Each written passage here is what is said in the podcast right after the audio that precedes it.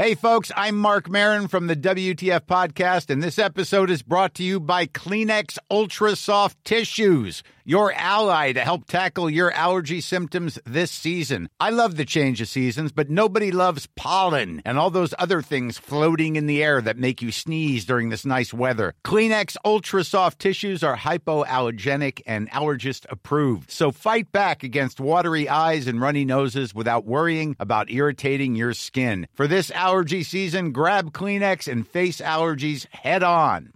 A lot can happen in three years, like a chatbot may be your new best friend. But what won't change? Needing health insurance. United Healthcare Tri Term Medical Plans, underwritten by Golden Rule Insurance Company, offer flexible, budget friendly coverage that lasts nearly three years in some states. Learn more at uh1.com. Hiring for your small business? If you're not looking for professionals on LinkedIn, you're looking in the wrong place. That's like looking for your car keys in a fish tank.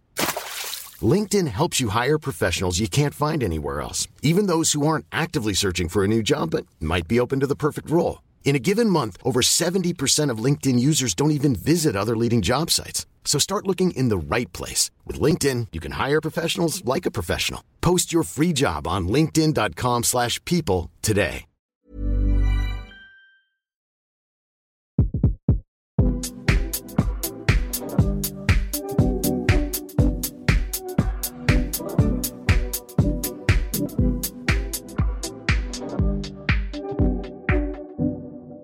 Hallo og hjertelig velkommen til ukens episode av Treningspodden. Den uka her så har vi med oss en eh, gjest. Det er en eh, klinisk ernæringsfysiolog som skal eh, prøve å svare på spørsmål som både meg og Pia lurer på, og som dere lyttere har sendt inn i forbindelse med dette med faste for oss treningsfolk. Og før vi gyver løs på det, så er det også sånn at Pia hun ble nødt til å være hjemme i dag. Hun skulle så gjerne vært her, det vet jeg, men hun ble nødt til å være hjemme med sykt barn. Derfor er det jeg som er på plass sammen med deg, Inge Linseth. Hjertelig velkommen til deg. Tusen takk. Vi er så glad for at du eh, takka ja til å komme hit, og at du satte av tid til å møte oss i treningspodden. Eh, det er alltid litt hyggelig å høre litt om hvem eh, gjestene våre er. Så Inge, hvem er du? Eh, sånn arbeidsmessig sett så er jeg da klinisk ernæringsfysiolog utdannet fra Universitetet i Oslo. Og jeg har jobbet klinisk da med pasienter i ganske mange år nå. Helt siden jeg ble ferdig utdanna, eller før det også. Og ja, jeg er veldig opptatt av forskning. Så jeg har vært med i ulike forskningsprosjekter også, og leser Uh, forskning til både frokost og middag, holdt jeg på å si. For jeg spiser jo ikke frokost middag. Nei, jeg gjør det. Men ja, også de siste fem årene så har jeg vært veldig opptatt av, av faste. Da mm. Da har jeg holdt kurs i fasteimiterende diett, og også da skrevet bok som kom nå ut i, nå i januar. Mm. Ja, hva var det som gjorde at du ble så spesielt opptatt av fasting? Eh, det var litt tilfeldigheter, egentlig. Eh, og kanskje så var jeg litt skeptisk til det fordi at jeg likte ikke å gå noe særlig sulten eh, selv. Så jeg visste det fantes noen studier på revmatisme og fast at det var noe i det, men jeg hadde egentlig aldri fått øynene opp for det. Men så ble det servert da, for meg på et møte en gang, eller for fem år siden. Da, noen som snakket om fastimiterende diett. Og da, da kunne man gjøre dette med produkter som kostet en del penger og kanskje ikke var den beste kvaliteten. egentlig, Og så tenkte vi at ja, men vi kan gjøre dette her med vanlig mat uh, som man lager selv på eget kjøkken. og Da måtte vi da lage menyer for dette her da, for å kunne gjennomføre det. Og så vi, begynte vi med kurs med en gang, og så var det en del som meldte seg på, og så har vi bare fortsatt. og så og så uh, har det kommet mye ny forskning helt, hele veien egentlig de siste fem årene. Uh, så det har bare blitt mer og mer uh, interessant. Og så spurte jo da eh, Frisk Forlag om eh, jeg ville skrive bok om dette her for et eh, par år siden. Mm. Og at fasting er i vinden, det er det jo ingen tvil om. Eh, litt av uh, målet med denne episoden er jo å kartlegge på en måte hva faste er, og også kanskje fordelene og ulempene med å uh, være i fastemodus for oss som trener mye, spesielt. Eh, men først og fremst så må vi jo etablere hva faste er, og kanskje snakke litt om de ulike typer fastemetodene. Vi har jo hørt om 5-2-dietten og periodisk faste og også litt sånn det jeg kaller litt sånn ekstreme fastemetoder, der du går mange dager uten å spise. Kan ikke du ta oss litt igjennom først og fremst hva er faste? Ja, Du er inne på de forskjellige begrepene der, så kan du rydde litt i det først. da. Eh, og Kanskje ikke alle er enig i den måten jeg rydder på, men jeg synes i hvert fall at det er mest oversiktlig å snakke om det som man gjør hver dag, eller nesten hver dag, eller ukentlig i hvert fall. Uh, og, og, litt lengre faster. Sånn at uh, periodisk faste Jeg vet ikke om det intuitivt betyr én ting for de fleste. Det er litt sånn uklart begrep for meg, i hvert fall. Um, og, så det bruker jeg egentlig ikke. Så det jeg snakker om, er uh, tidsbegrenset spising i hverdagen. Uh, eventuelt da 5-2-dietten, uh, som blir en litt sånn mellomting, kan man kanskje si, mellom tidsbegrenset spising og det jeg vil kalle faste, da. altså som går over mange dager. Så um, Men en annen ting å definere, da, det er Altså når er det egentlig fasteeffekter starter. Mm. For det er, I dagligtalen så er det greit eller enkelt å bare tenke at ja, så fort du spiser noe, du spiser en eplebit, så, så, så, har du brutt fasten. Men det gir egentlig ikke så mye mening fysiologisk sett. da. Det, ikke, det skal ikke bare et blåbær eller, en, eller et eple eller eh, noe sånt til for at man da kommer helt ut av fastemodus. Eh, det viser i hvert fall forskningen ganske tydelig. Så, så, jeg vil si at det å faste det, det, er ikke noe sånn veldig klart punkt hvor det starter. altså det at du får fasteeffekter. Men det, du er i hvert fall ikke i fastemodus så lenge du, altså mens du spiser, og du spiser deg mett hver dag. Um, og du også fordøyer den maten du har spist. Så selv om du da ikke har spist på tre-fire timer, så, så, er jo kroppen er fortsatt mat i tarmen, gjerne. Eh, så det kommer mat inn i, i, kroppen. Så du bruker på en måte ikke av egne, lag, egne lagre. Eh, du bruker av det som kommer utenfra. Så tidligste punktet jeg tenker man kan snakke om at faste starter, eh, det er når maten er tatt opp, er fordelt ut i cellene våre, og kroppen igjen da må begynne å bruke av egne lagre. Det er liksom det tidligste punktet hvor man kan begynne å snakke om at man kan få faste effekter. Og så har jo da man sett det at du kan spise mer enn et eple per dag, til og med. Du eh, kan spise flere epler eller annen type mat da, som du gjør under fastemiterende diett. Du kan spise så mye som en tredjedel, og kanskje enda mer også, eh, av det du gjør til vanlig, og likevel få veldig gode uh, faste effekter. Nettopp. Og så snakkes det jo mye om, spesielt i forbindelse med periodisk faste, som jeg i hvert fall opplever at det har vært veldig mye fokus på nå, så snakkes det mye om dette med spisevindu. Kan du forklare det? Ja, um, da snakker man jo gjerne om uh, det man gjør hver dag. Uh, det går jo fint an å ikke gjøre det hver dag også. så Hvis man tenker at nå er klokka blitt seks og jeg har ikke fått spist, så da, da, kan jeg ikke spise fordi at jeg skal egentlig spise all maten før seks. Så tenker jeg, Vi kan ikke være så uh, strenge på det. det. det. er ikke noe poeng, egentlig. Så, så man kan spise litt seinere enn det man bestemte seg for noen dager også. Så så det er forskjellige lengder på det spisevinduet som det gjøres forskning på, og som folk driver med. Noen spiser kanskje mye mat tidlig på dagen og er ferdig med all spisingen klokka tre. Eh, andre har kanskje dropper frokosten, og så de, spiser de siste måltidet før klokka seks. Så har de et spisevindu på seks timer, kanskje. Mm. Eh, så Uh, så ja. da vil det si at da har man et spisevindu på seks timer, og så har man uh, og så er man i faste i 16 timer. 18. 18, ja, nettopp. 18 Matte har aldri vært min sterke side, men det, det er godt vi har deg her òg. Akkurat. Så, så, så, det er én måte å gjøre det på. Og eh, som du var inne på, du er jo veldig aktuell med boken som nå, eh, som nå, akkurat nå egentlig, du har gitt ut en bok nå nylig som heter Fem dagers nullstilling. Hva, gjennom, altså, hva innebærer den boka? Eh, hva er en femdagers eh, nullstilling? Da spiser du, da, som var inne på, ca. en tredel eller litt mer enn den første dagen da, eh, av de, de, fem dagene. Eh, av det du vanligvis spiser. Så da følger du bestemte menyer. Du kan velge mellom ulike menyer. Uh, og, og må følge de fordi at uh, du skal ha bestemte mengder med karbohydrater, fett og proteiner.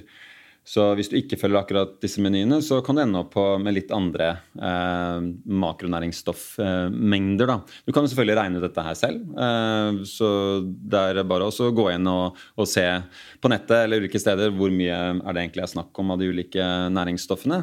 Eh, så kan du fint lage det selv også. Eh, så, så det, er, eh, det er vegansk.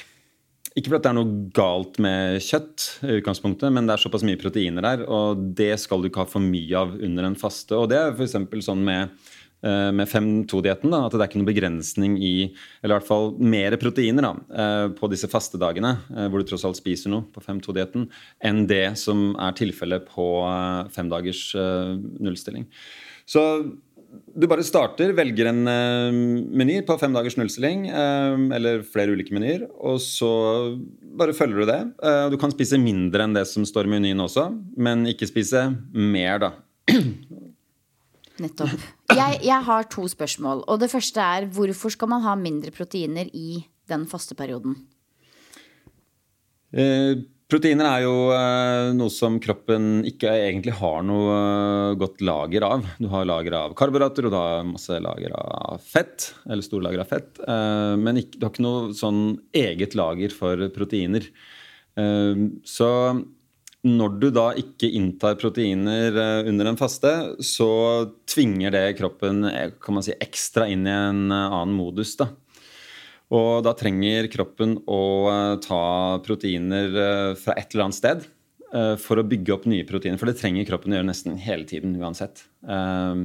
Så det må den fortsette med. Og det kroppen er god på da, det er også å velge de proteinene som ikke fungerer så bra i kroppen, først og bryte ned de for å bygge opp da nye proteiner igjen. Så hvis du spiser håper å hele tiden, eller i hvert fall du spiser eh, frokost og er hjemme til alle måltider, for å si det sånn, eh, eh, så blir det kanskje ikke nok tid da, til å fjerne disse søppelproteinene, kan man kalle det. da. Eh, sånn at du trenger litt pause fra maten for at kroppen da skal veksle godt nok mellom det å rydde opp, det å bryte ned ting som ikke fungerer så bra, og så får i neste omgang da få eh, god tid til å bygge opp nye strukturer igjen som fungerer eh, bedre. Da. Det å gjøre den opprydningen og oppbyggingen på samme tid, det er litt vanskelig for kroppen. Ja, og så vet jeg jo at veldig mange av de som hører på treningspoden, er jo treningsjenter som liker å trene styrke og veldig gjerne ønsker å bygge en del muskelmasse. Og er jo da selvfølgelig redd for å miste muskelmasse fordi man faster. Hva er dine tanker rundt det?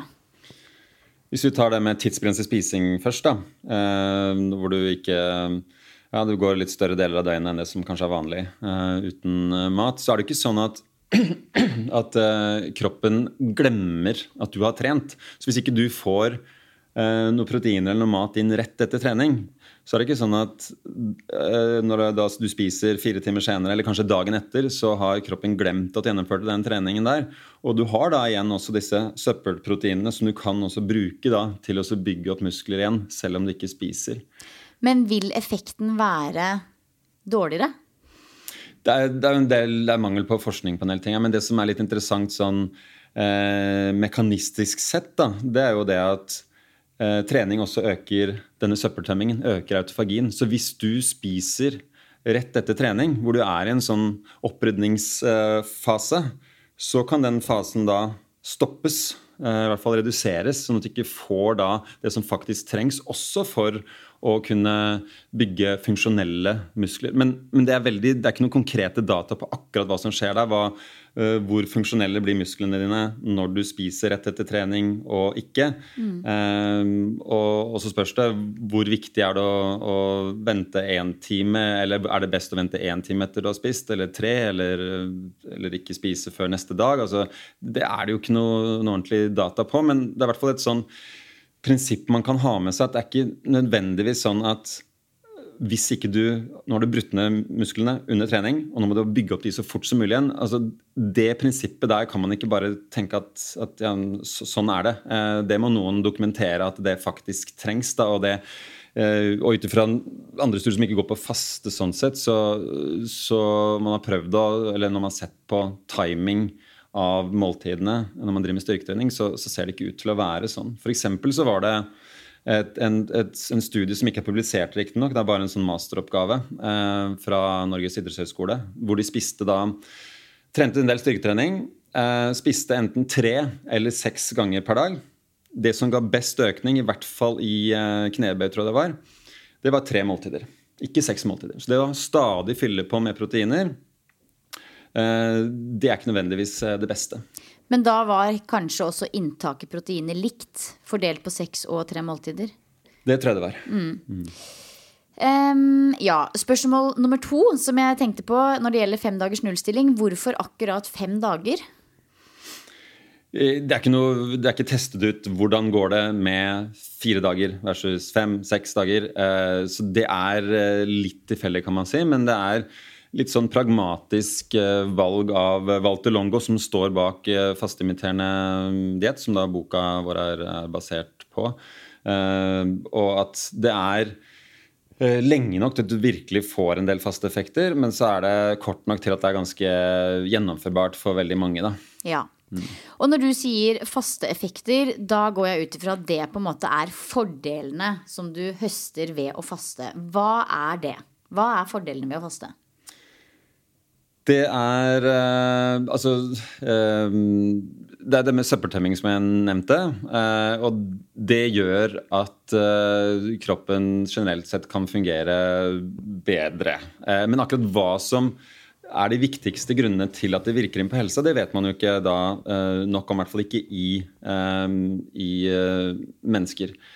Men så har man gjort en god del forsøk på dyr.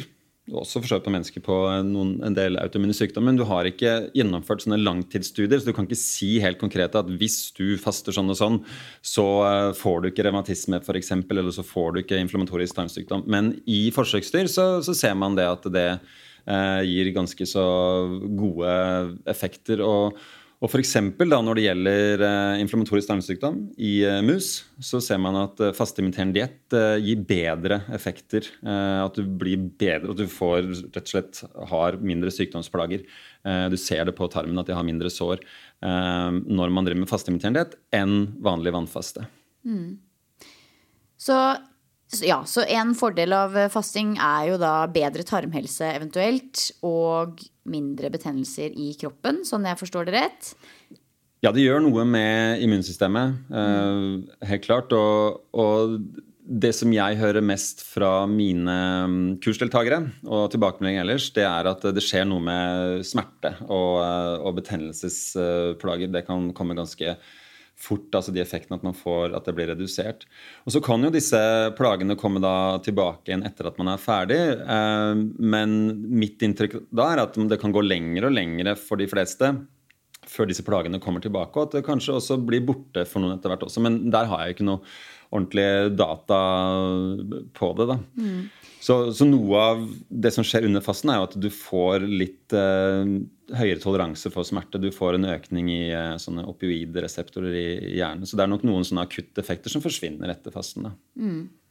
Ja, så det kan jo på den måten brukes som en slags behandling eh, hvis man har behov for det. Men hvis vi tar meg som utgangspunkt du, du, Vi snakka jo litt sammen før vi satte på på play på record her. Eh, og da spurte du meg om jeg har prøvd å faste, der jeg fortalte min historie om at jeg aldri har hatt faste som en del av mitt eh, daglige liv og mitt kosthold, men at jeg har testa eh, litt faste metoder på f.eks. yoga retreats og sånne type ting, der man spiser mindre. Men for meg har jo aldri faste vært en del av hverdagen. Og jeg er jeg liker å trene mye, får fremgang på trening, jeg har god appetitt og jeg er normalvektig. Tenker du at jeg bør faste? Og hvorfor det eventuelt? Eh, nei, det, det, spørs hva du har av uh, mål. Det jeg tenker er at ja, men hvorfor ikke prøve litt ordentlig én gang? Og så bare se hvordan opplever du det. Og, og, og, så er det sånn man kan bli litt sånn at, Ok, hva funker det på?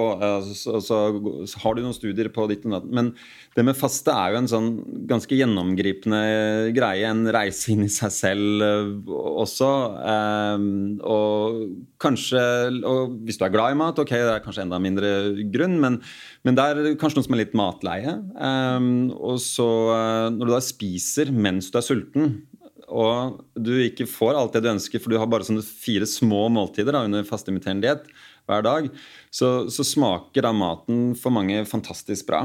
Um, og at du da oppdager kanskje maten litt på nytt, da, hvor viktig den er for deg, og, og nye smaker og sånn som du kan ta med deg inn, inn uh, videre også etter fasten. Uh, men en annen ting er jo det med uh, som jeg skriver litt om i boka, det med aldringseffekter. At det er mulige Eh, effekter på aldringsbrems. Da. Eller i hvert fall at det trykkes på aldringsmekanismer i, i, kroppen når man uh, faster. Som da kan gjøre at du blir bedre beskytta mot uh, ulike sykdommer og har det bedre når du blir en del eldre. Mm. Så det kan være, kan være, en grunn. Men der, igjen, der vet man ikke så mye om hva som skjer i, i mennesker. Men man vet at uh, mus f.eks., når de faster, så, så lever de uh, lengre. Mm. Ja, og så tror jeg, eh, og det gjelder igjen både for meg selv og garantert veldig mange av treningspodden sine lyttere også. Vi er jo veldig glad i å trene, og, da, og så vil vi liksom ha full pott og fullt utbytte for den tida vi legger igjen på trening. Så det er jo kanskje litt der det ligger også, at man ønsker ikke å risikere at man får mindre valuta for penga, for å si det sånn. Eh, men der er, var vi jo litt inne på det at vi vet ikke helt hvordan det påvirker treningsresultatene, helt enkelt, av for lite studier foreløpig. Ja, men også, også utfordre litt den tanken du har, og kanskje mange lyttere har også, som er veldig lett å, skjønne at kommer, og det kommer for, for meg også, at uh, hvis du har trent og så er du sulten, så skal du ikke spise. Uh, det er ikke det du må, du kan jo kanskje spise og ferdig med trening klokka fem, og så, så spiser du klokka seks, og så har du et langt vindu hvor du ikke, ikke spiser. men du kan føle at ja, men dette her er jo ikke bra. Og selvfølgelig sier kroppen ifra at når du er sulten, må du spise. Eh, det er jo veldig bra at kroppen funker sånn, men når du ikke gir kroppen mat likevel, så har vi veldig gode mekanismer for å fikse det kjempebra likevel. Mm. Så, så, det er noe med å faktisk teste det litt ut og sitte litt i det. og ok, Så spiste du ikke etter trening, selv om du trent, kanskje du spiste klokka tre, og så trente du klokka seks, og så spiste du ikke uh, etter den treningen. Uh, og bare se hvordan det føles. Prøve det noen ganger. Men for noen så blir det sikkert helt feil. Og, og hvis du virkelig er interessert i å bygge mest mulig muskler og, og på kort tid, så er ikke det, det ikke det jeg ville satt i gang med, med da. Det, det, er det ikke. Det kommer kanskje litt an på hva som er målet. Hvis målet er at denne perioden så skal jeg ha full fokus på maksimal muskelvekst, så er mm. kanskje ikke faste det beste å kombinere det med. Um, det kan godt være. Ja. Men eh, vi har jo nå vært inne på noen av fordelene du kan høste av å faste. Eh, har du noen eksempler på ulemper, altså ting som nødvendigvis ikke er like bra med å følge en fastediett? I hvert fall Hvis man da er litt bekymret for uh, negative effekter, så kan det være bra å ikke vannfaste og heller drive med fastimiterende diett istedenfor. Så spiser du noe, noe underveis. Uh, men hvis du går inn i en faste og er uh, Kanskje du har gått litt ned i vekt uten å vite om det, eller at du har litt lite fett på, på kroppen fra før. Uh, du er kanskje litt stressa. Um, du har, det er litt for mange ting i livet ditt som ikke er, helt på plass. Så det er kanskje ikke da du begynner å faste. I hvert fall ikke at du bare kaster deg ut i det. Hvis du kaster deg, eller hvis du gjør en ordentlig jobb på forhånd og er litt meditativ og vet godt hva du driver med, at du føler at du trenger på en måte ro på mange måter, og også ro fra mat, så kan det jo kanskje være stressreduserende. Men, uh, men også hvis du har ME, f.eks., eh, da er det sånn at du, det kan være litt for mye stress eh, for kroppen. og og også hvis du har eh, da, en historie med spiseforstyrrelser, um, så, så burde utgangspunktet ikke faste uten å snakke med helsepersonell, i, i, hvert fall. Ja, for det er jo et interessant poeng. Fordi det må jeg si i forhold til det å ha en podkast, det er kanskje det det skumleste vil jeg si, med å snakke høyt i en podkast hver eneste uke, er jo at man potensielt kan trigge noen eh, dårlige erfaringer eller trigge noens eh, spiseproblematikk eller treningsproblematikk ved å si noe som på en måte kan trigge noen på feil måte, da, det er en av de tingene jeg føler eh, er mest skummelt ved å snakke høyt i podkast. Og det er også eh, en grunn til at jeg har hatt litt sånn, eh, litt sånn eh, for og imot eh, debattering i hodet rundt det å snakke om faste i treningsboden. Eh, for hva tenker du om det? At det å faste og ha liksom ganske sånn strenge restriksjoner og rammer på hvordan vi spiser, at det potensielt kan trigge eh, usunne spisemønstre hos folk? Jeg må først si at det, det med anoreksi og usunne spisemønstre det er ikke det jeg jobbet mest med. Jeg har ikke gått veldig inn i, i, forskningen der. Og det er, som vi snakket om litt på forhånd her, det er det med, med konteksten her også. Så, så, det er hvis man går inn i en faste på, på feil måte, så, så, kan jeg også se det at det kan trigge ting som ikke er, er bra. Så men da er vi inne i en enda større kontekst også om hvordan hele samfunnet funker. med hvordan man kan lese om Det står på forsiden av ulike produkter hvor mye kalorier det er i ulike matvarer. Det er veldig sånn kalorifokusert på, på, mange områder da, når man snakker om, om mat. Så, så, i den konteksten der så, så, kan faste komme feil ut for, for noen. Det ser jeg absolutt. Men jeg ønsker jo da å bidra til å å endre den samtalen og hvordan vi snakker om, om kalorier og hvordan vi snakker om, om faste. Og, bid, og, og, få den endret litt sånn langsomt, eller, eller, så fort som mulig, for så vidt. da. Um, så men min erfaring og de som har vært på kurs hos meg, så er det jo flere som kan få bedre forhold til mat og gjøre noe med kostholdet sitt. Slutte å tenke på kalorier, eh, tenke på kvaliteten på mat, på råvarer, og ha faste perioder innimellom hvor du spiser nok, og jeg sier at det er viktig å spise nok på forhånd. Det er også viktig å spise nok i etterkant. Og I en sånn kontekst hvor det formidles da at ja, men kalorier det er ikke egentlig det det handler om under en faste, å telle de for så vidt, selv om du skal følge bestemte menyer. Uh, men så det er kjapt inn på en måte i faste, og så er det ut i hverdagen og spise så mye du ønsker av eh, den bra maten. Ja. Vi hadde en uh, psykolog på besøk her tidligere i 2023 som snakket om uh, overspisingslidelser. Og hun var ganske skeptisk til den fastetrenden som de også opplever kan bidra til, til, til økt spiseforstyrrelse hos enkelte. Men da er jo egentlig det litt sånn Det går litt på det du var inne på, at Eh, fasting nødvendigvis ikke passer for alle. At faste kanskje ikke passer for f.eks. folk med eh, historikk spi eh, rundt spiseforstyrrelser, eller folk som har for lav fettprosent, som du var inne på, eller eh, ME, eller andre typer lidelser eh, som man ikke vet nok om i forbindelse med fasting. Eh, hva med gravide og ammende? Generelt så sier vi at, eh, eller vi sier på kursen at det, da skal man ikke faste. Mm. Eh, nå, og gjennom evolusjonen, og det er jo en del som er gravide som da ikke orker å spise og flere dager bare er så kvalme og sånn, så, så, så, går det jo veldig bra med mange likevel. Så, men hvis, det er ikke noe vits i å sette i gang med noe noe faste sånn uh, frivillig, holdt jeg på å si, uh, under, mens man er graviditet. mens man ammer, ammer, så sier vi at vent gjerne med det, men der er det litt mindre risiko, vil jeg si. Da. Det kan jo kanskje komme da litt mer giftstoffer ut i melken når man faster, f.eks. Men ja, det kan man også finne veier rundt, kanskje. Men ja. Og, og, så har du jo glemt å si det, hvis man er eh, gammel og skjør, så bør man heller ikke faste. Nei.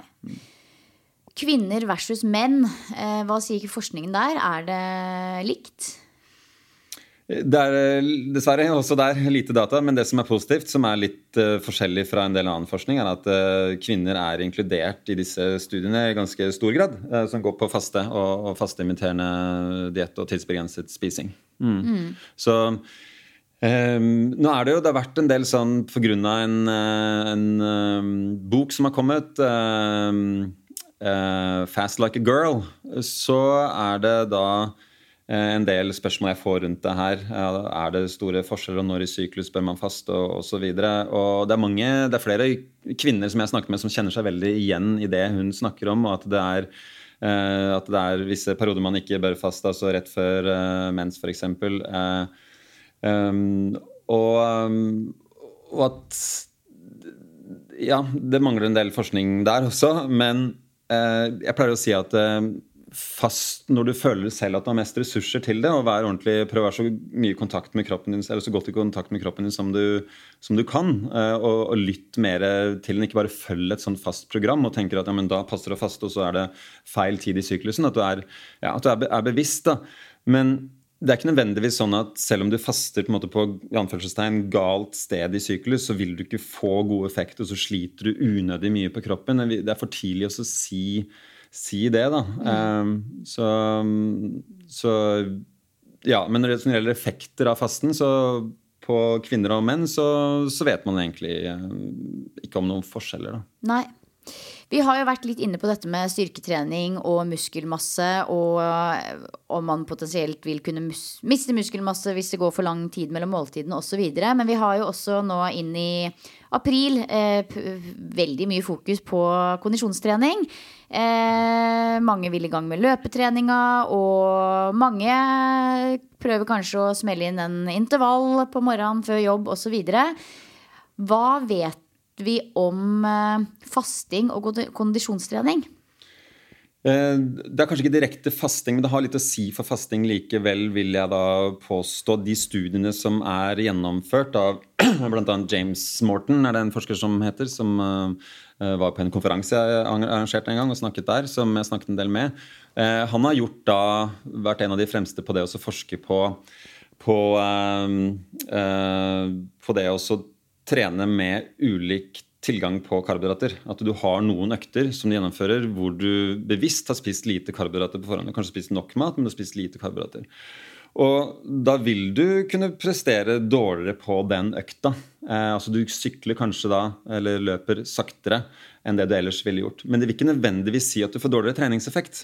Du trener jo fordi at du skal belaste kroppen og sende noen signaler om at nå, nå skal du bli sterkere fordi at du, nå fikk du den belastningen kasta mot deg, nå må du skjerpe deg her.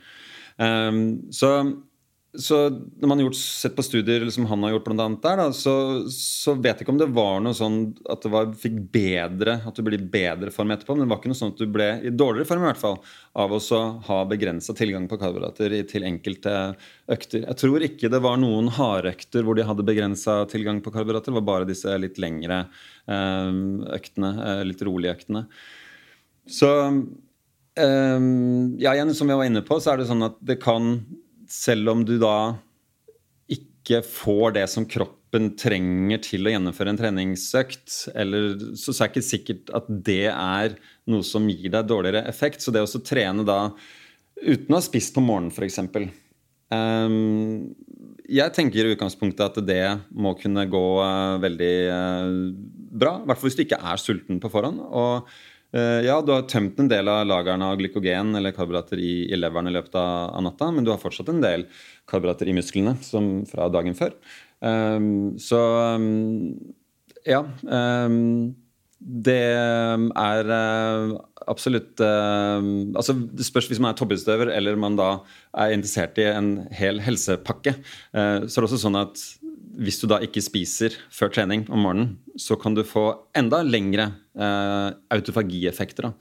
Du har med deg den økte autofagien fra den lange nattfasten. Og så trener du, så får du økt eh, autofagi eller søppeltømming også eh, etter økta. Da. Og så kanskje noen, en time etter det så spiser du. Mm.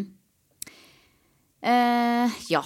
Det er jo ja, min, Mine erfaringer rundt det med å spise Altså Jeg kan også helt fint gjennomføre en fire ganger fire-intervall på morgenen uten å spise frokost først. Men da pleier jeg ofte å planlegge at jeg spiser en litt ekstra stor kveldsmat kvelden før. Mm. Eh, men du tenker da at det ikke ville hatt så mye å si nødvendigvis? Nei, ikke sånn hvert fall hvis man tenker eh, helsemessig at man ikke mm. skal eh, være med på en konkurranse, så tenker jeg at da det blir eh, Om det i hele tatt har noe å si, så tenker jeg at det, du trenger ikke å planlegge det, nei. Mm. At du skal spise mye det kvelden før. Nei. Og så eh, lurer jeg litt på litt sånn eh, dette med å bake inn fasting i f.eks. en familiesituasjon. Eh, som jeg nevnte for deg, jeg har to barn som er ti år. Eh, vi spiser en hyggelig middag sammen, men ofte så er det litt sånn kjas og mas og stress fordi de skal på fritidsaktiviteter og må leveres hit og dit. Og så får vi liksom landa eh, rundt, middag, rundt, bordet på kvelden, og da pleier vi å spise en hyggelig kveldsmat. Kanskje litt knekkebrød, brød, noen smoothier. Frukt osv. Og, så og jeg henger meg veldig gjerne med på den kveldsmaten bare fordi det er hyggelig. Mm. Kjenner meg ikke alltid skrubbsulten, men syns liksom det er hyggelig og tenker at det er liksom øyeblikk som jeg ikke ønsker å gå glipp av. Eh, hva tenker du Har du noen tanker i forhold til dette med fasting? Eh, å være en eh, rolle Altså være en god frontfigur for barna i forhold til mat, måltider. Eh, dele måltidsøyeblikk sammen. Hva er tankene dine rundt det? Det er absolutt uh, veldig viktig å ha måltider sammen. Og at det er, det er mye glede i det å, å spise mat sammen. Og um, da, noe som kanskje ikke har kommet så mye opp når det har vært diskutert da, det med, med, faste og tidsbegrenset spising eh, det siste året, og på podkaster og sånn, eh, som kanskje flere andre har hørt på, Marit Kolby og sånn, eh, det er det med at det er også noe å si da, ikke sant, som har med fastimiterende diett å gjøre. Hva er det du faktisk spiser når du spiser utenfor det spisevinduet som du kanskje ønsker å ha, da, sånn som på kvelden? Eh, da kan du kanskje, hvis du har lyst til å ha litt mer faste effekter, at du da spiser noe som inneholder lite energi og lite proteiner. Ja, så, så, ja, for det er interessant. Hvor mye skal til for å bryte fasten? Kan man f.eks. spise eh, ja, to frukt, en appelsin og et eple, og noe drikk, drikke noe, f.eks.? Eller bryter du da fasteeffektene? Jeg kommer på mange forskjellige ting, men jeg skal prøve å si det relativt kort. Men det er også noe som heter proteinfaste. Man har sett det på mus, hvor de spiser så mye de vil, men de får da lite protein eller, eller lite av visse aminosyrer. Så du får da en, du får ikke bygd opp de eh, proteinene du trenger eller på en måte akkurat der og da med proteiner utenfra. Eh, og så får du noen effekter på uh, som du vil ha, eller helseeffekter likevel. Så, så det er én ting. Og fast, på fasteimiterende diett så uh, er det da ca. 200 kilokalorier per måltid. Sånn at det å spise da et eple, f.eks., så så vil du ikke få i deg mer enn det som er på et måltid med, på fasteimiterende diett. Og så, så, så, vet vi at du får faste effekter av det. Når du har dette her i en uh, hverdag hvor du har spist et måltid kanskje fire-fem timer før, så kan det hende at du trenger å spise noe mindre for å ikke da komme over i en uh, ut av fastemodus. Da. Det kan absolutt hende, så det, det vet vi ikke helt. Men noen av disse effektene vil vil kunne altså ikke bli avbrutt da, om du spiser da, eh, litt på kvelden. Men, men, det er jo ikke det er liksom ikke et, eh, en brødskive med leverpostei. Da, da, da vil jeg si at du bryter fasten, ja. Mm. ja.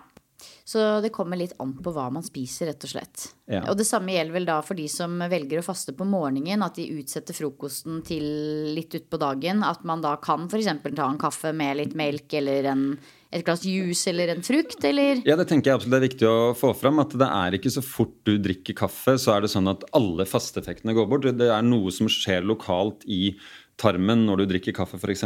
Men så spørs det igjen da hvilke fasteeffekter er det man egentlig er ute etter. Er det sånn at tarmen skal være helt i ro, hva enn det betyr? Er det det du vil ha?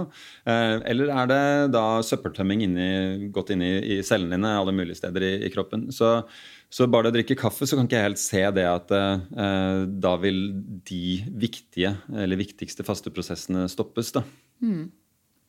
Du, Vi har jo fått inn en haug med lyttespørsmål. Og vi rekker jo ikke å gå gjennom alle, men det er gøy å gå gjennom noe. Og jeg må si at det som går igjen aller, aller mest, som veldig mange er nysgjerrige på, det er dette med eh, rett og slett forbrenningen. Det er jo ikke er, vi må slå kanskje hull på noen myter her. Veldig mange har spørsmål rundt dette med forbrenning og metabolisme i for, forbindelse med fasting.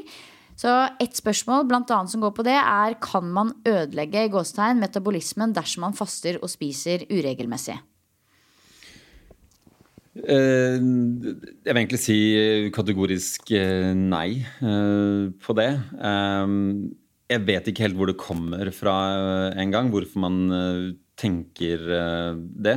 Det som er interessant, er jo under en faste på, som varer bare en tre-fire dager, og kanskje litt lenger også, så går ikke forbrenningen ned. Den går opp, faktisk. Og Det er kanskje overraskende for mange å, å høre det.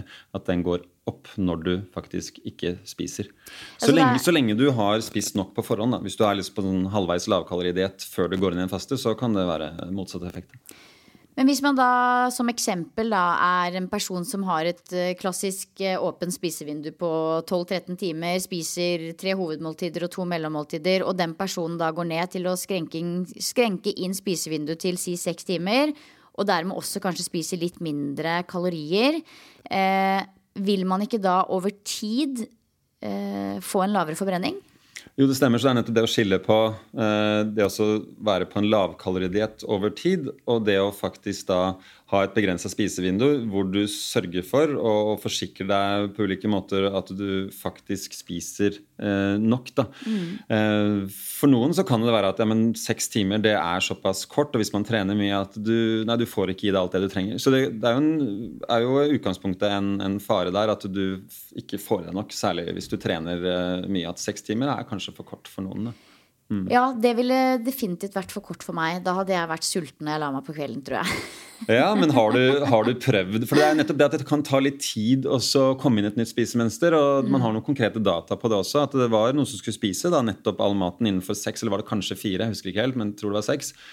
Uh, og da tok det i snitt da en tolv dager før uh, de fleste da var komfortable med å spise på den måten. Det var litt trøblete i, i starten.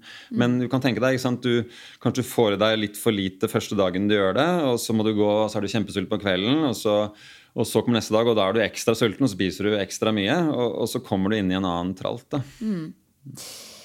Ja. Og jeg tror eh, akkurat når det gjelder dette med forbrenning og metabolisme, det er mange spørsmål som går på det fra lytterne. Eh, og det er jo noe jeg også eh, kan huske hver gang det på en måte har kommet en ny trend som går på enten sant, om det er sellerijus eller detox eller fasting, så har på en måte det største motargumentet ofte vært eh, at det potensielt kan liksom sette i gang en slags sånn usunn eh, eh, slags jojo-slanke-diettopplegg. At man eh, kutter veldig ned på energi og kalorier en periode.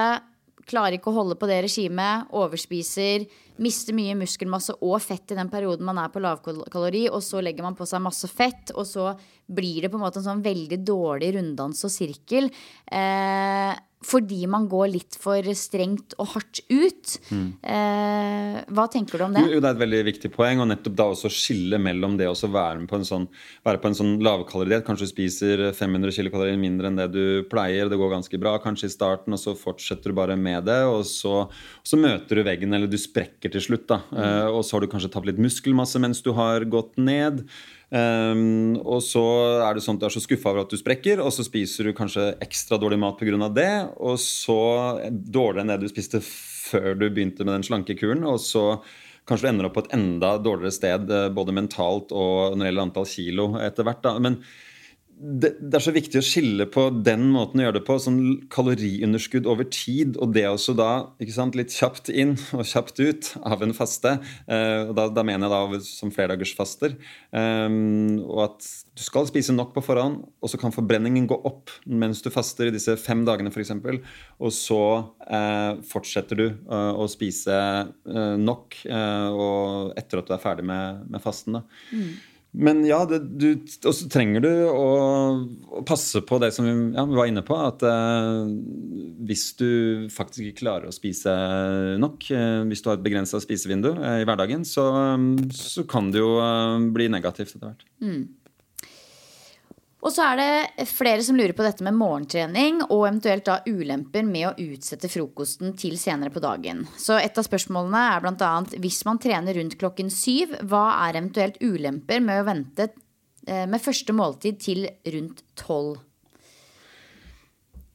Det kommer litt an på hvordan man føler seg selv. Hvis man da er veldig sulten, eh, du har prøvd å gjøre dette her over eh, en god stund, og det bare ikke funker helt, du blir stressa av det, du har dårlig konsentrasjon på jobb eller hva du nå driver med, så, så ser jeg ikke noen grunn til at du skal fortsette med det. Da, da ville jeg ha, ha spist tidligere enn, eh, enn å vente til klokka tolv. Så, så, spørs det hvor, hvor, sent er du egentlig spiser. Da. La oss si du spiser eh, da, klokka ni om morgenen eller klokka åtte. Eh, og så har du også siste måltid da, rett før du legger deg, f.eks. Så da tenker jeg da blir det jo desto viktigere å, eh, å begrense det i den andre enden. At du spiser en tidligere middag. Kanskje det passer eh, bedre for deg da, mm. enn å droppe frokosten. Og så er det flere som kommer med kommentarer på dette med sultfølelse. Det er jo da, Vi spurte jo også om erfaringer fra lytterne ja, fra de som eventuelt har testa faste, da, der flere nevner dette med sultfølelse. Eh, et spørsmål der er sultfølelse er veldig ubehagelig. Har du tips til å komme deg gjennom den? Ja, veldig bra spørsmål. og det er, eh, det er, Jeg skulle gjerne hatt noen av mine kursdeltakere som snakker så fint om hvordan de takler dette her og kommer seg gjennom det. og Eh, det som ikke funker så bra, gjerne, det er også bare se på det som en stor fiende og bare forsøke å få det bort for enhver pris. Eh, det er noe med å ja, distrahere seg for så vidt, men at du også må prøve å bare sitte litt eh, i det og, og kjenne til hva det egentlig dette handler om. og, og og selv så har jeg opplevd det at eh, jeg kom hjem eh, fra jobb tredje dag av min faste en gang, eh, og bare var Syntes ting var litt dritt med det å være på, være på fastimiterende diett. Og tenkte bare jeg får mat, liksom, så ville alt vært bra. Men, men, så inspiserte jeg det litt nærmere, og det var jo ikke egentlig bare det det handlet om. Det var jo like mye det at jeg var sliten um, av fasten, eller at jeg var sliten av å være på jobb, eller hva det måtte ha vært på jobb. Um, så når jeg da bare fikk lagt meg litt ned etterpå, uh, når jeg kom hjem, og, så, så, var jo ikke den sultfølelsen like påtrengende. Den der negative følelsen som jeg bare knytta til sultfølelse, den, den, var jo ikke der helt lenger. så mm. Så det er, veldig, det er bra å meditere over dette her, og det er, det er, mye å si om det, hvordan man kan, kan løse dette her. Um, så, og så er det også forskjell da, fra person til person. Så det er noen som helt klart sliter mer med sultfølelsen enn andre, og at selv om man ikke klarer så godt å faste, så skal man ikke ta det som et stort, ned, stort nederlag, eller man tenker at man ikke har så god viljestyrke eller at man er en svak person. eller noe sånt, Det, det tenker jeg man heller ikke skal, skal tenke. da. Det er, det er for store forskjeller. Det er store forskjeller og også en slags trenbar eh, egenskap å stå litt i det, som du sier. Jeg eh, er liksom todelt på det. Jeg må innrømme at det er en del av meg som tenker at det virker veldig usunt å gå imot kroppens egne signaler. Eh, jeg personlig tenker at ved å liksom kjenne på følelsen av sult, så er man sulten og burde spise. Men så har vi jo eh, kanskje veldig mange av oss eh, til gjengjeld godt av å øve oss på å stoppe når vi faktisk er mette og ikke overspise. Eh, men igjen så er det litt interessant også det aspektet du sier om å liksom faktisk eh, eh, jobbe med litt eh, ja, eh, gå litt innover og faktisk studere det som dukker opp. da. Eh, er det sult, eller er det andre ting? Og det å kanskje øve seg litt på å stå i det ubehagelige. Det er jo også veldig vanlige teknikker innenfor eh, buddhismen og, og ulike mm. typer meditasjonsteknikker også. Det å studere det ubehagelige litt. Det er jo veldig perverst, men samtidig litt spennende.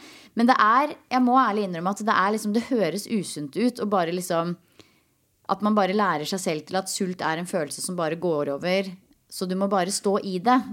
Det er liksom et usunt element jo, ja, der. Da, setter du det fint på, på spissen. Beklager. Så um, Men det er også, for å gå den andre, den andre ekstremen, da, så er det sånn Hver gang du har lyst til å gjøre noe, så gjør du akkurat det jeg tror de fleste er enige med at det er ikke det beste livet å ha. Det er sånn, Jeg har ikke lyst til å jobbe. Uh, når jeg har lyst på litt, uh, litt potetgull, jeg nå. Når jeg har lyst til å se på TV. Altså, Folk blir ikke lykkelige av det, i hvert fall. Uh, det, så, sånn at, og det er nettopp det som du er inne på også. At uh, ja, hva er, eh, hva er det det egentlig handler om her nå? For det er så lett å, å gå til noe mat, for man vet at helt fra vi da fikk melk fra mor når vi ble født, så, så, er det sånn at det er noe trygt og bra med å få noe søtt. med å, å føle seg mett. Det er kroppen veldig innstilt på at det er det er en god følelse. Ehm, men det kan også da bli et substitutt for det å ikke gå inn i ting som man trenger å gå inn i. Og hvis man da spiser på, av feil grunner, at man spiser fordi at det er noe følelsesmessig som ikke er på plass, og du er egentlig ikke sulten, så gir du kroppen noe den egentlig ikke trenger. og Uh, ja, da, da, vet jeg ikke helt hvordan det går da. Mm. Vi har jo vært litt inne på det, men det er også spørsmål om eh, ja, dette med fasting og mennesker som er over gjennomsnittet aktive. Eh, er det anbefalt for mennesker med et over gjennomsnittet eh, høyt aktivitetsnivå å faste? Er det en som lurer på. Ja, så spørs det hva man mener med faste. Om det er tidsbegrenset spising det handler om her, eller lengre eller flerdagers faster. Um, dere, kan, dere lytterne kan jo google um, Hovdenak. hun er norgesmester i sykling. Uh, hun har gjort noen ganske så lange faster og ble vel norgesmester i sykling etter uh, terrengsykling, jeg det var. Uh, etter, etter det. Um, ganske tett inntil konkurranse. Ikke at det nødvendigvis anbefales. Men men det med femdagersfaste, det er jo noe som Hvis du trener en del og er frisk, eh, så kanskje du gjør det én eller to ganger i året. Eh, så, så, det er ikke det en del av hverdagen din sånn sett. Så det tenker jeg eh, også vil gå bra for de som trener en del. Kanskje ta det litt hvis man er med på konkurranse, tar det litt etter sesongen er ferdig. Men så er vi igjen tilbake til da, når det gjelder tidsbegrenset spising i hverdagen, så, så, må du sørge for at du får i deg At du ikke spisefunnet er så lite at du ikke får i deg alt det du trenger. Mm. Ja, for det er det også, ikke sant. Dette med hvordan man sikrer seg nok proteininntak til muskelvekst når man faster. Har du noen gode tips til hvordan man kan sørge for å rett og slett få i seg nok protein i en fasteperiode?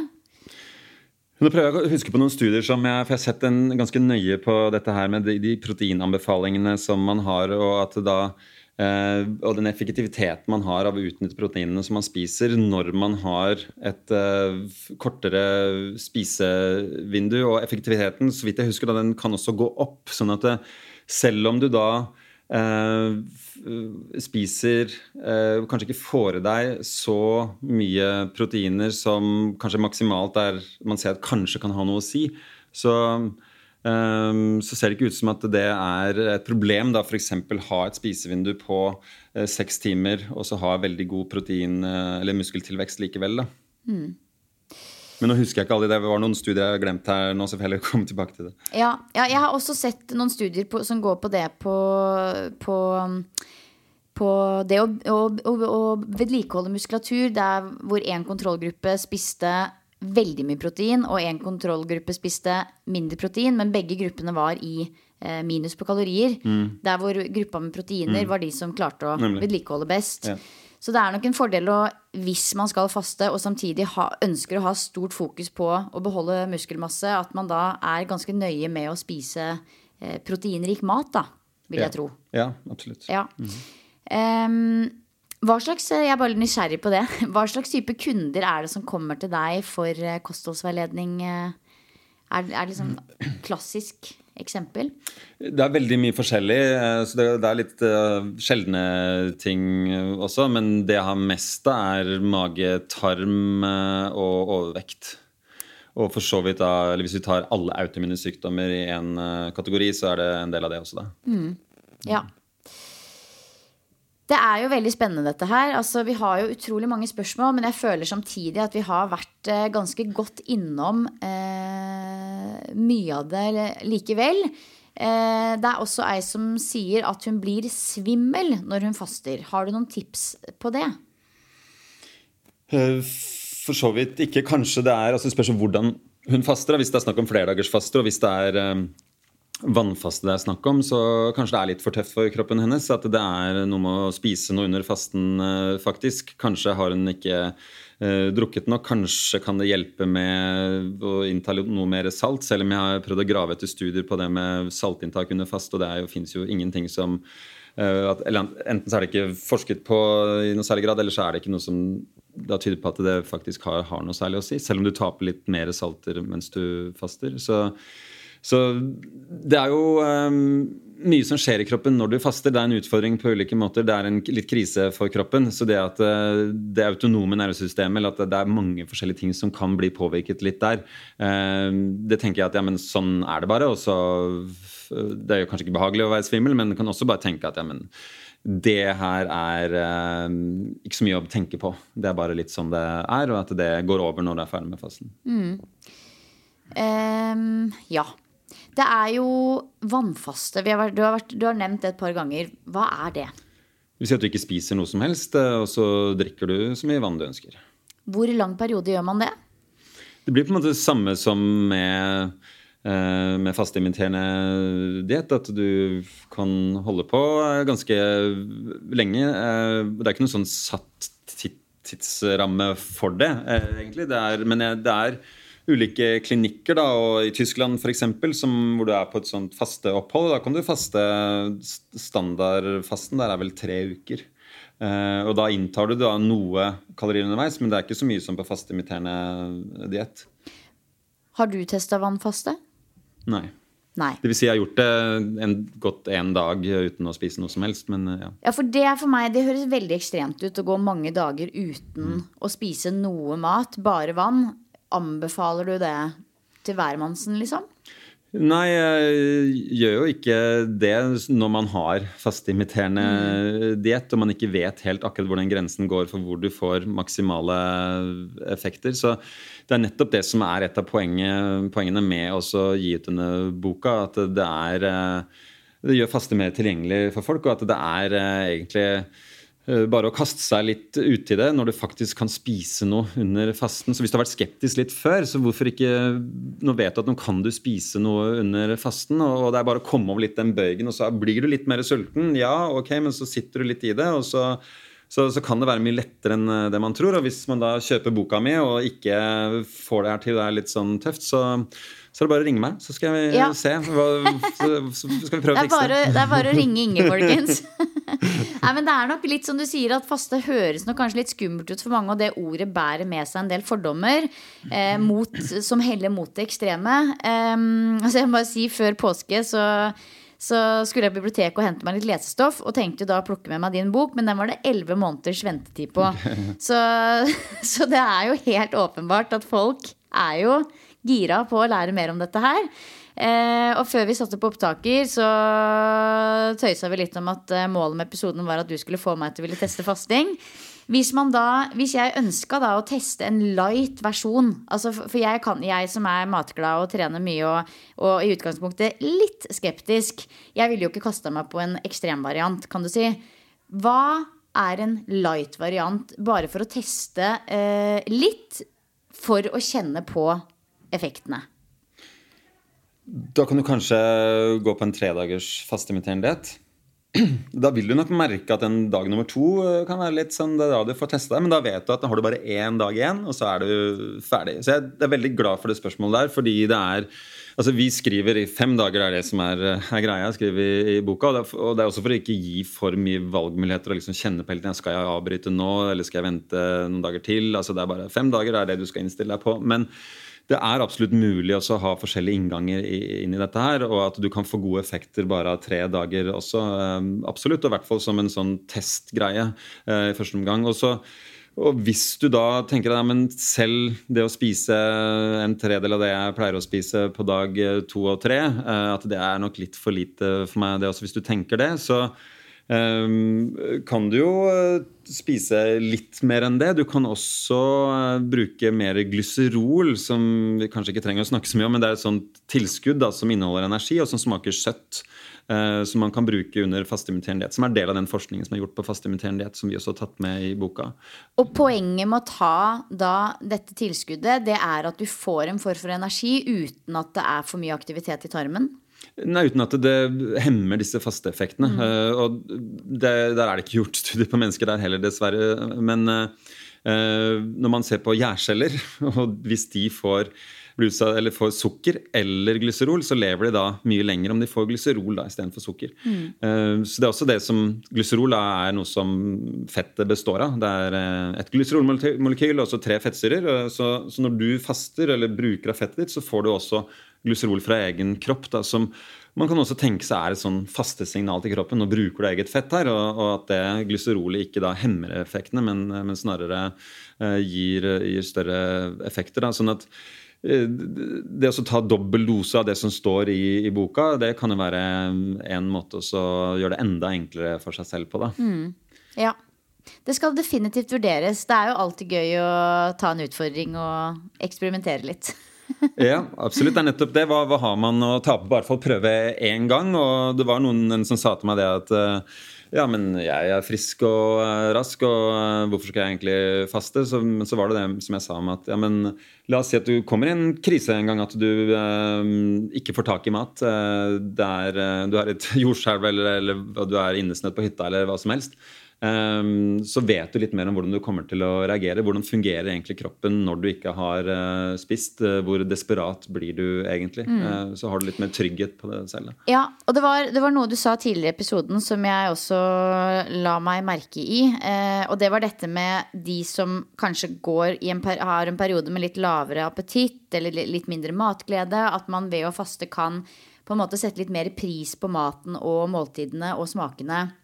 Eh, og booste den biten litt. Og det, det, det, er jo kanskje også det som binder Altså Hvis man ser på de fem store religionene, så er det jo mye fasting i tradisjonene. Eh, I buddhismen og egentlig i alle de store religionene så er det jo eh, på en eller annen måte en eller annen form for faste. Og det handler jo om å kjenne på takknemlighet over maten, rett og slett. Noe vi ellers tar som en selvfølge. Så akkurat det aspektet og det elementet, det liker jeg veldig godt. Vi, ehm, altså meg og hele min familie var på Sri Lanka og bodde med en familie der i tre måneder. Der hvor det var faste i en av de periodene. Og da ville vi jo teste det. Eh, og det er jo litt eh, Da skulle vi spise kvart over tre første måltid. Og det, man blir jo litt sånn man blir jo litt sånn minnet på hvor ofte vi faktisk tenker på mat, og hvor tilgjengelig det er. Eh, og ved å plutselig ikke ha det, så blir man jo også da ekstra takknemlig over å få muligheten til å spise igjen. Så det er jo helt klart liksom, aspekter ved fasting som, som er spennende. Eh, og jeg tror jo også på, som du sier, at eh, vi alle sammen kunne hatt godt av å teste det. Som, om, om, så bare for et eksperiment, da. Mm. Ja, og der er jeg enig i alt det du sier, og det med takknemlighet og, og, og skjønne hvor viktig mat er for oss. Og det å sette pris på maten, den som har lagd maten, og at vi kan føle oss kanskje mer større del av eller større grad føle oss en del av økosystemene på, på jorda osv. At det kommer sånne tanker da, litt automatisk. Ja. Eh, men også det med sånn rent fysiologisk at man har sett det at hjernen fungerer på en helt Det er en annen energimetabolisme i hjernen eh, når man faster, som da kan gjøre at man kanskje er litt mer romslig eh, overfor andre og for seg selv, og at det er, hjernen rett og slett fungerer på en på en uh, annen måte, hvor du uh, blir opptatt av litt uh, andre ting og ikke henger deg så mye opp i detaljer, f.eks. Det er spennende. Psykologiske mm. aspekter rundt fasting. Ja. Vet du hva, dette var utrolig spennende. Jeg må igjen bare skyte inn at Pia var så lei seg for at hun ikke kunne være her. Hun, jo, hun er jo journalisten av oss. Sånn egentlig. Fått litt tøffere spørsmål fra henne? ja, det, det, kan hende. Eh, men eh, jeg håper at eh, dere lyttere har satt veldig pris på at vi endelig kom med denne faste episoden som vi har snakka om så lenge nå. Og må også gi en stor takk til deg, Inge, for at du tok deg tid til dette her. Det kan godt hende at du blir eh, tatt på, på ordet og får noen telefoner i løpet av neste ja, uke. Ja. Nei, men det er, eh, Jeg skal ikke si det er bare å ringe, men hvis du virkelig du har kjøpt boka, og du har, eller du har fasta og du får det ikke til, og uh, ja, du er misfornøyd, du vil ha penga tilbake, så, så ring meg først. Det er greit. Da vet vi det. Tusen, tusen takk for at du tok deg tid. Tusen takk skal du ha. Veldig hyggelig. Mm. Takk skal du ha.